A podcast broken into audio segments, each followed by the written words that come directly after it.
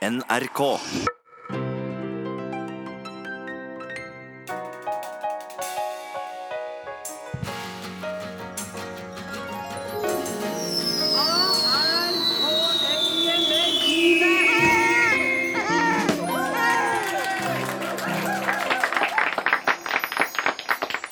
I fire episoder av Kraft har jeg nå reist rundt for å prøve å finne ut hva poenget med livet er, og hva jeg burde bruke de 90 tilmålte årene mine til. Og jeg har truffet mange forskjellige folk som satser ulikt. Jeg mener liksom at det er det minste du kan du skylder verden, er å gidde å gå bort til den saudiarabiske ambassaden og holde appell. For meg så passer det å, å kunne mm, disponere dagen helt, ikke noe frem til klokken tolv om kvelden. Det å akseptere det du ikke kan forandre. For du bruker så utrolig mye energi hvis du skal kjempe mot noe du ikke kan forandre.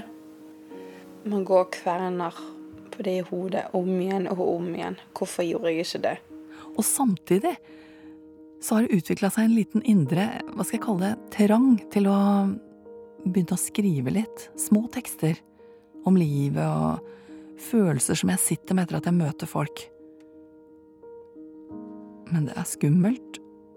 Jeg har vist noen av tekstene til Anne Johanne, en venninne på kafé, og hun likte den på sett og vis, det er koselig sagt. Men jeg har en indre kritiker som noen ganger holder på å spise meg opp. Hva i huleste er det du driver med, sier han. Du må ikke drite deg ut.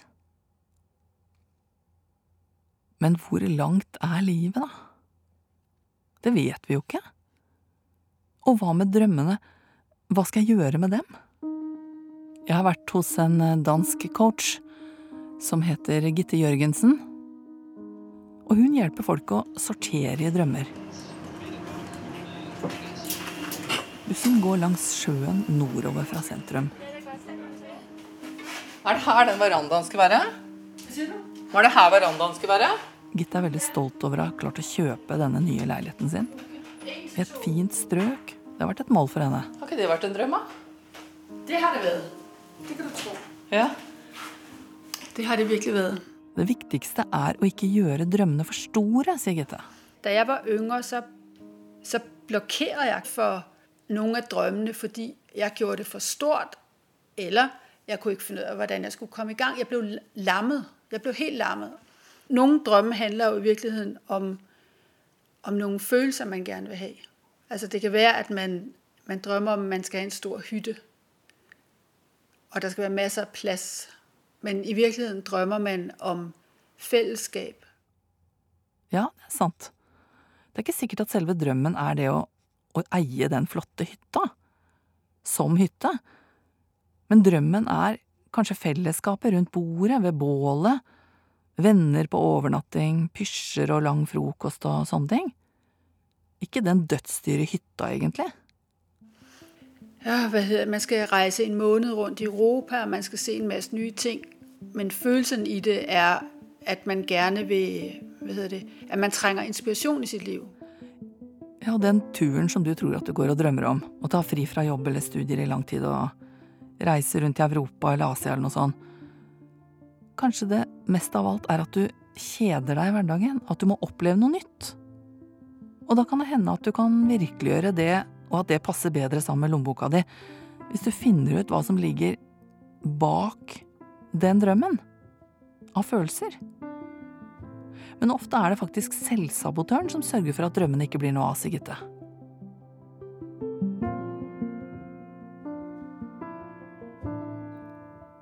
Men det er lett å snakke om å gjøre noe med drømmene sine.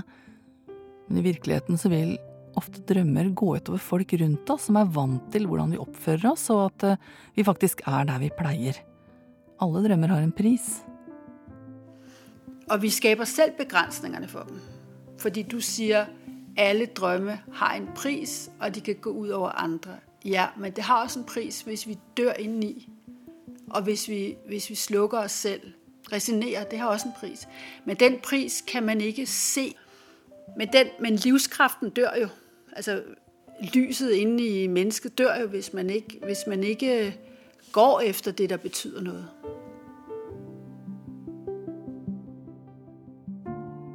Resignasjon. Det skal jeg skrive om en gang. Den lammende følelsen av å pent pakke sammen de små og store drømmene man hadde for livet sitt. Og når man har pakket dem pent sammen, hva gjør man med dem da? Jo, man putter dem i boden. Hva har de der å gjøre hvis man ikke har tenkt å ta dem fram engang? Det er jo et lite håp i seg, da, at man putter dem i boden. På vent. Jeg kan ta dem fram. Men er du skikkelig resignert, og kanskje litt bitter for at livet ble sånn som det ble? At du ikke ser noen muligheter til å gjøre noe ut av det? Ingen av drømmene dine? Så vil du kanskje drasse dem ut i hagen eller i bakgården? Og skaffe deg litt opptenningsved og legge på drøm etter drøm på bålet, og se at flammene tar det, og at det blir sorte og sotete og krøllete i kanten, helt til alt sammen i grunnen bare ligger der som en liten haugmaske. Ferdig.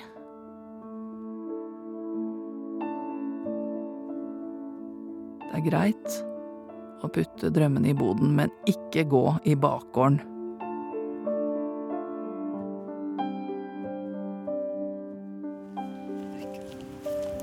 Men her er det vel litt skygge. Det er ålreit her. Kan vi få som begge deler? Dandere den utover sånn. Du er sikker på at du ikke vil ha sola, du òg? Jeg får litt sol i, i ryggen, kan jeg ikke det? Det er deilig. Trygve Skau. Han er stor på Instagram med dikt og sånn. Og så er han musiker. Jeg vet ikke. Jeg føler meg litt, litt drøy, som føler så mye Føler så mye offentlig, på en måte. Eller sånn. Ja. Drøy? Hva mener du med det? Jeg har en sånn grunnleggende tanke inni meg om at eh, hvorfor skal noen bry seg om det jeg tenker, liksom? Eller hva er det, hvem er du som skal si så mye? Så den stemmen snakker jo til meg hele tida. Men du har blitt ganske kjent på Instagram og sånn. Du er en sånn konge. Nei, du ikke det? nei, da blir jeg flau. Når du sier sånn. Ja, men jeg tenker på Det må jo ligge litt sånn drøm i dette her òg. Jeg skal jaggu meg vise dem, liksom. Jeg skal bli flink. Jeg fikk en toer i matte da på gymnaset. Det er sånn som jeg har plaga meg sånn at eh, liksom noen gikk og tenkte han er dårlig i matte. Han er nesten litt lite begava. Ja, på en måte. Det, det plaga meg så mye at jeg tok opp igjen matten.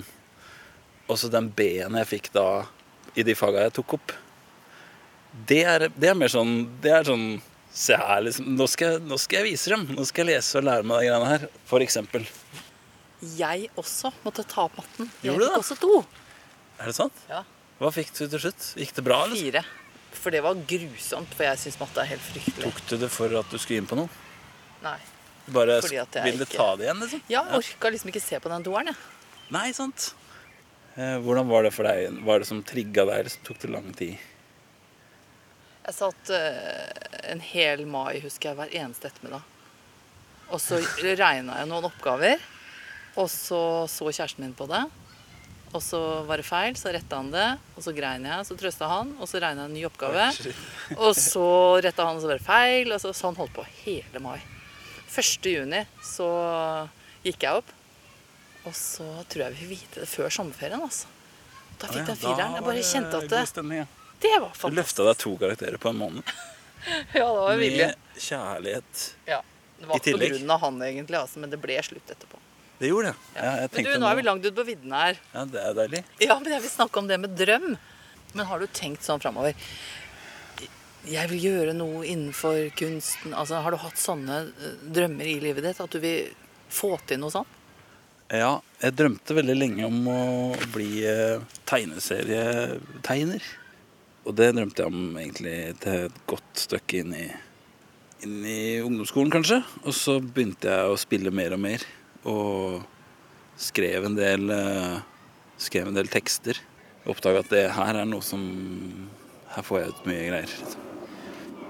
Jeg sa vel kanskje til folk at jeg hadde lyst til å bli rørlegger, sa jeg ganske lenge. At jeg skulle bli Var det sånn dekkoperasjon, liksom? Nei, Det var liksom en sånn tanke om at det er sikkert eh, en sånn ordentlig jobb, liksom, å, å få seg en, eh, en rørlegger da, som går og fikser ting som, det er bruk for og på en måte Det er jo veldig Det er jo en fantastisk ting. Jeg, jeg elsker når rørleggeren har vært der, liksom.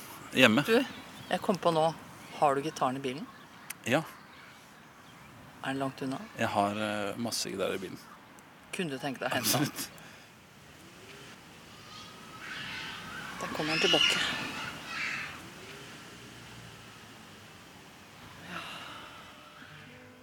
Da må Jeg stemme litt inn.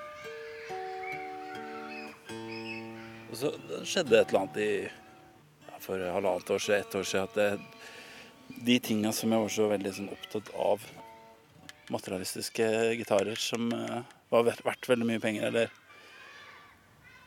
Så bare tenkte jeg, men du bruker så mye tid på å bekymre deg over at den skal bli ødelagt på det flyet, eller følge med på teip og holde på. så ja, ja, så blir den knekt, da. Så er den ikke verdt 40 000 lenger. Men livet blir så mye bedre hvis du innretter deg med masse ting som du ikke trenger å stresse med. Så jeg går ikke med, å gå med klokke omtrent samtidig.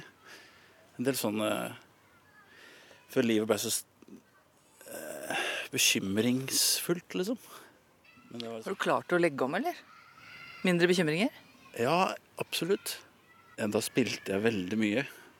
Dere hadde 120 konserter liksom det året. Som jeg hadde booka sjøl, og som jeg kjørte til alle sammen. Og så, så Det begynte med at uh, da dattera mi satt på terrassen og oppsummerte familien, liksom. Ja, det er, det er fort gjort å glemme at vi er seks stykker, sa hun.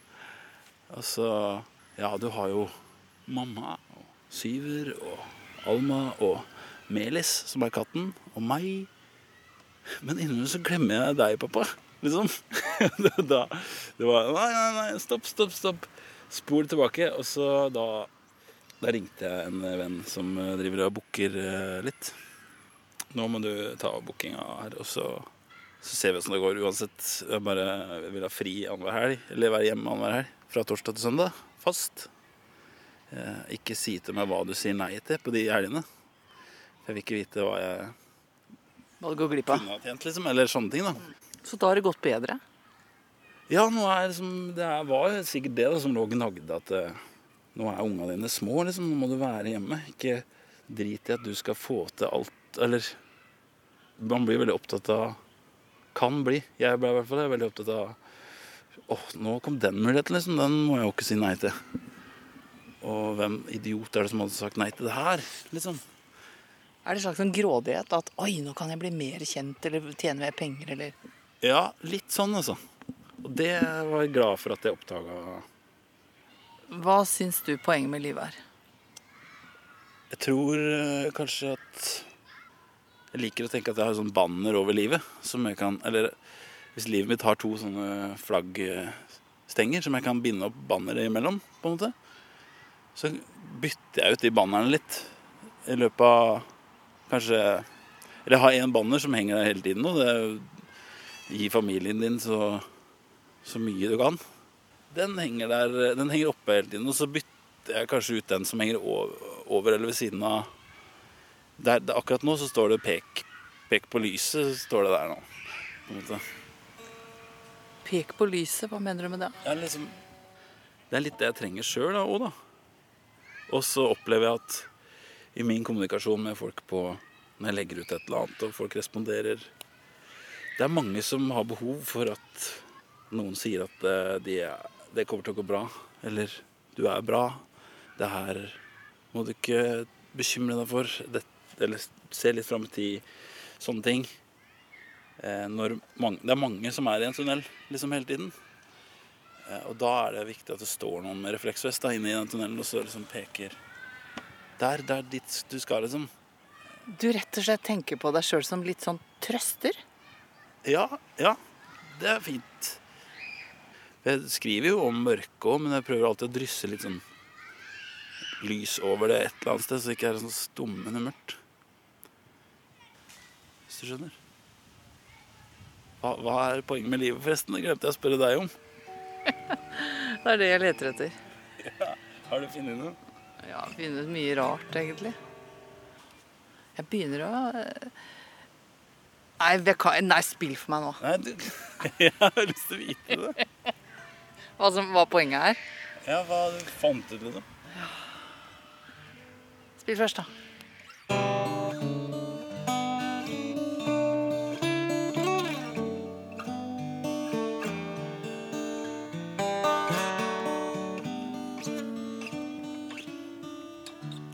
Regnet pisker i fjeset ditt,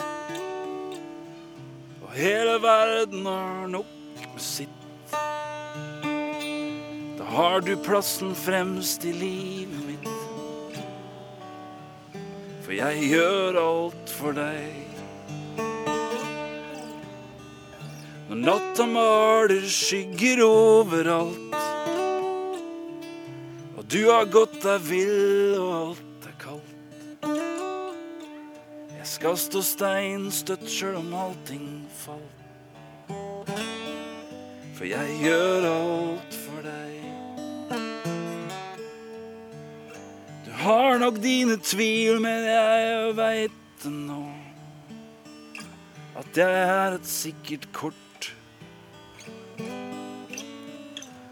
Du er den vakreste jeg kunne få, så Hvorfor skulle jeg sløse dette bort? Skulle gjort deg lykkelig og glad igjen. Spør meg om veien når jeg finner den. Til verdens ende og til himmelen. For jeg gjør alt for deg. Bølger kan blåse opp som store fjell, og kulde kan skjære inn til bein. Vinden kan snu lykke om til hell, og lage hjerter ut av stein. Det er så rart at når Trygve spiller og synger så vakkert som han gjør nå, Så når regnet pisker i fjeset ditt, så skaper han gode følelser inni meg. Og hele verden har nok, Han får meg til å tenke på alle jeg er glad i, og da har du plassen fremst i livet. teksten er jo skrevet av et menneske som har følt ting på en spesiell måte. Men det møter meg på min måte, der jeg er.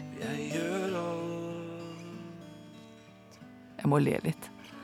Vi er jo veldig forskjellige. Linn som jeg møtte for noen uker siden, hun var jo utrolig opptatt av sex og nærhet. Det var veldig viktig for henne. Hvis du har lyst til å bli mer kåt, så kan du jobbe med det i kroppen din. Så kan du eh, kjenne etter og prøve å gjøre den kåtskapen større. Og Vebjørn, som er kunstmaler. Var veldig opptatt av å få arbeidsråd. Jeg har det travelt, jeg har masse ting jeg skal male, sa han. For meg så passer det å, å kunne mm, disponere dagen helt eh, og kunne stå opp om morgenen og ikke være forstyrret og ikke vite at ingen skal forstyrre meg, ingen skal plage meg. Ikke noe frem til klokken tolv om kvelden. Og det vanskeligste var jo det Irene fortalte meg. Kreftlegene hadde nettopp sagt til henne vi kan ikke gjøre deg frisk. Det å akseptere det du ikke kan forandre. For du bruker så utrolig mye energi hvis du skal kjempe mot noe du ikke kan forandre. Og når man plutselig da får vite at livet skal snart ta slutt Det er ikke så lenge igjen. Hva er det viktigste da, egentlig? Den danske presten Sørine sa noe om det. Det er jo ikke noe større å si til et annet menneske enn 'jeg elsker deg'. Så hvis man aldri tør, og aldri har prøvd å si det Man kan ikke gjøre det større. Man kan godt si 'jeg elsker deg riktig mye', 'jeg elsker deg vilt mye', men det vil jo bare være sånn noe pynt på det der i forveien er en absolutt meddelelse. Jeg tror en av de ting man skal prøve i sitt liv, det er å si de ord. Jeg gjør alt for deg.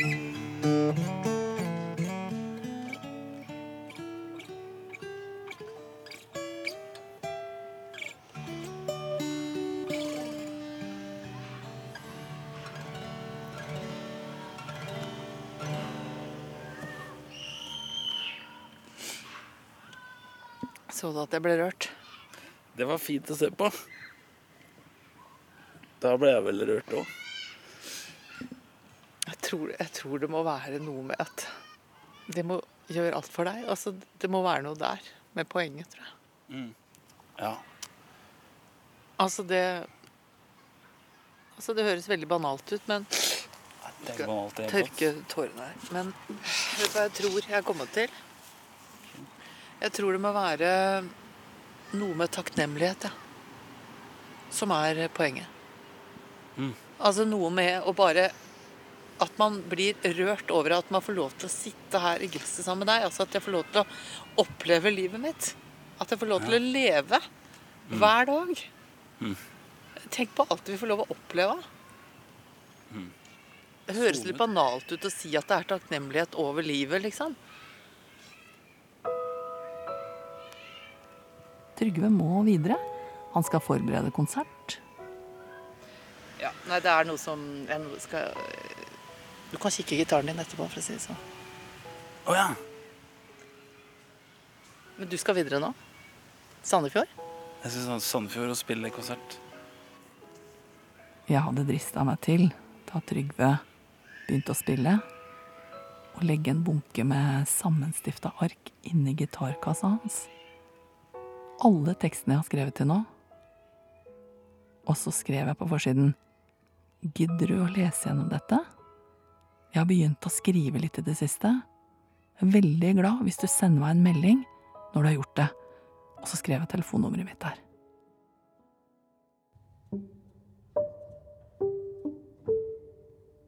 Det har gått et par uker. Første tiden så ble jeg ganske urolig. Jeg venta på svar fra Trygve. Jeg snakka til meg sjøl og sagt at han har sikkert hatt masse konserter og ikke hatt tid til å lese tekstene mine. Men frykten har tatt meg innimellom. Han liker det ikke. Han vet ikke hva han skal skrive. Eller kanskje han har glemt det. Og for noen dager siden så kom det en melding fra selveste Instagram-dikteren Trygve Skau. Og han skriver Gode du, takk for tekstene. Du traff meg med det her. Blir lett med i bildene dine og språket ditt. Fint å lese. Takk, Trygve. Det var ikke ille. Håper han mente det. Og for noen dager siden så kom Vibeke, sjefen min, bort til meg på jobben, og hun fortalte at hun hadde kontaktet et forlag. Hun trodde på tekstene mine, som hun sa, som en del av et konsept. Sånn helt rett fram. Og at vi hadde fått en avtale. Er det tolv det står der, eller står det to der? Nei, står to der. Er det her? Sjette etasje. Å, seks trapper. Så i går så dro vi ned til byen. Jeg hadde med 80 tekster stifta sammen inni en plastmappe. Og på vei opp trappene så tenkte jeg på hvordan det var lurt å oppføre seg. Og vel oppe i etasjene så fikk vi kaffe, vi ble vist inn i et møterom. Og det ble mye snakk. Vibeke la fram vårt ønske om å lage en spennende bok av tekstene som en del av et konsept. Hun er utrolig god til å snakke for seg. Og de sa masse. Det er som et eneste rot i huet mitt. De sa hvis du skal komme med juleutstillingen i bokhandelen, så måtte du vært ferdig før mai, og det er du for sent til. Og hvis vi, du har tenkt at vi skal sette deg i kontakt med en redaktør, så må vi belage oss på å samarbeide over flere måneder, og du må kanskje skrive en del om, vaske språket, vurdere en annen rekkefølge, kanskje putte inn noen lengre mellomtekster, kanskje vi måtte ha noen illustrasjoner, og vi måtte nok jobbe en god del med dette for å gjøre det til produkt vi tror på, og som speiler vår profil på forlaget. Jeg kjente at ørene mine lukket seg gradvis igjen underveis. Mer og mer. Jeg har jo ikke tid til å sitte her og ordne med det i hele vinter. Jeg har jo skrevet noen tekster som har betydd noe for meg der og da, men nå Jeg har jo mye annet jeg vil gjøre. Allerede i morgen, klokka fire, så skal jeg jo intervjue Anne Katt i hagen hennes. Jeg kjenner at lysten renner litt ut av meg. Og det med lyst, det var jo første setningen jeg skrev for fem uker siden. husk at lyst er viktig. Husk at du må følge lysten. Det skriver jeg.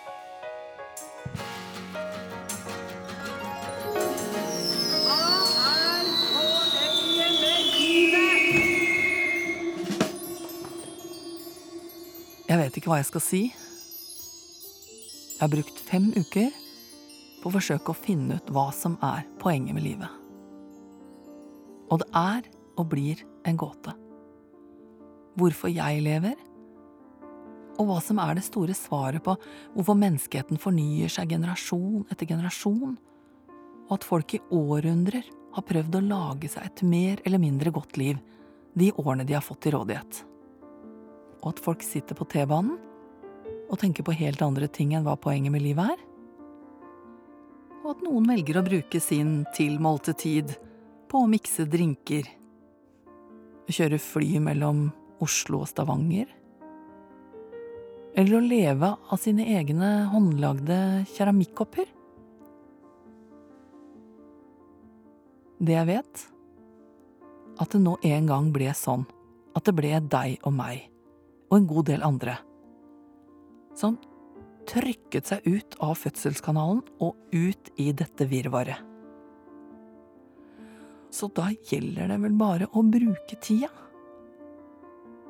Og slippe det du går og drasser på som ikke gir deg noen ting i livet, i dette ene livet du lever. Og heller ta tak i noe som virker viktig, og holde fast på det. Det gjelder jo både hva du skal bruke kreftene dine på, og hvem du skal bruke tiden din sammen med. Jeg syns det er bra om man den dagen man legger seg i kista, at man er ganske god og sliten. Som etter en dagstur til Galdhøpiggen eller noe sånt. Sånn gjennomsliten som man blir etter gode og vonde opplevelser. Og tenk om vi kunne, etter å ha trasket rundt mange år i solskinn og regnvær, bare takke pent for oss og si tusen takk for gaven. Det var da altfor mye. Men takk likevel. Neste uke er Kraft hos Anne Katt Hærland. Jeg har levd med dette sånn i 20 år. Husker Jeg slutta i, i, i, i Nytt i 2007. Da hadde ikke jeg sett Jon Almaas på fire år. Fordi jeg, var, jeg trodde bare det var meg og Knut. Han var ute av synsfeltet. Det var en herlig tid. Eh, Men, så, så jo, jeg har vært gjennom alle disse Altså, jeg, jeg, får, jeg får angst eller urolighet eller, eller, tristhet når jeg merker at det er en ting til jeg ikke kan se, eller, jeg, eller når, jeg, når, jeg, knuser et glass, eller når jeg går rett i en glassdør, eller noe sånt ting som det, så kan jeg bli sånn åh, nå har det blitt verre. Um, og det siste en komiker vil, er å bli synd, synd på. Altså det, så, så, så, så, det var sånn jeg tenkte at dette her snakker jeg ikke om før jeg er nødt til å snakke om det når jeg begynner å trenge hjelp.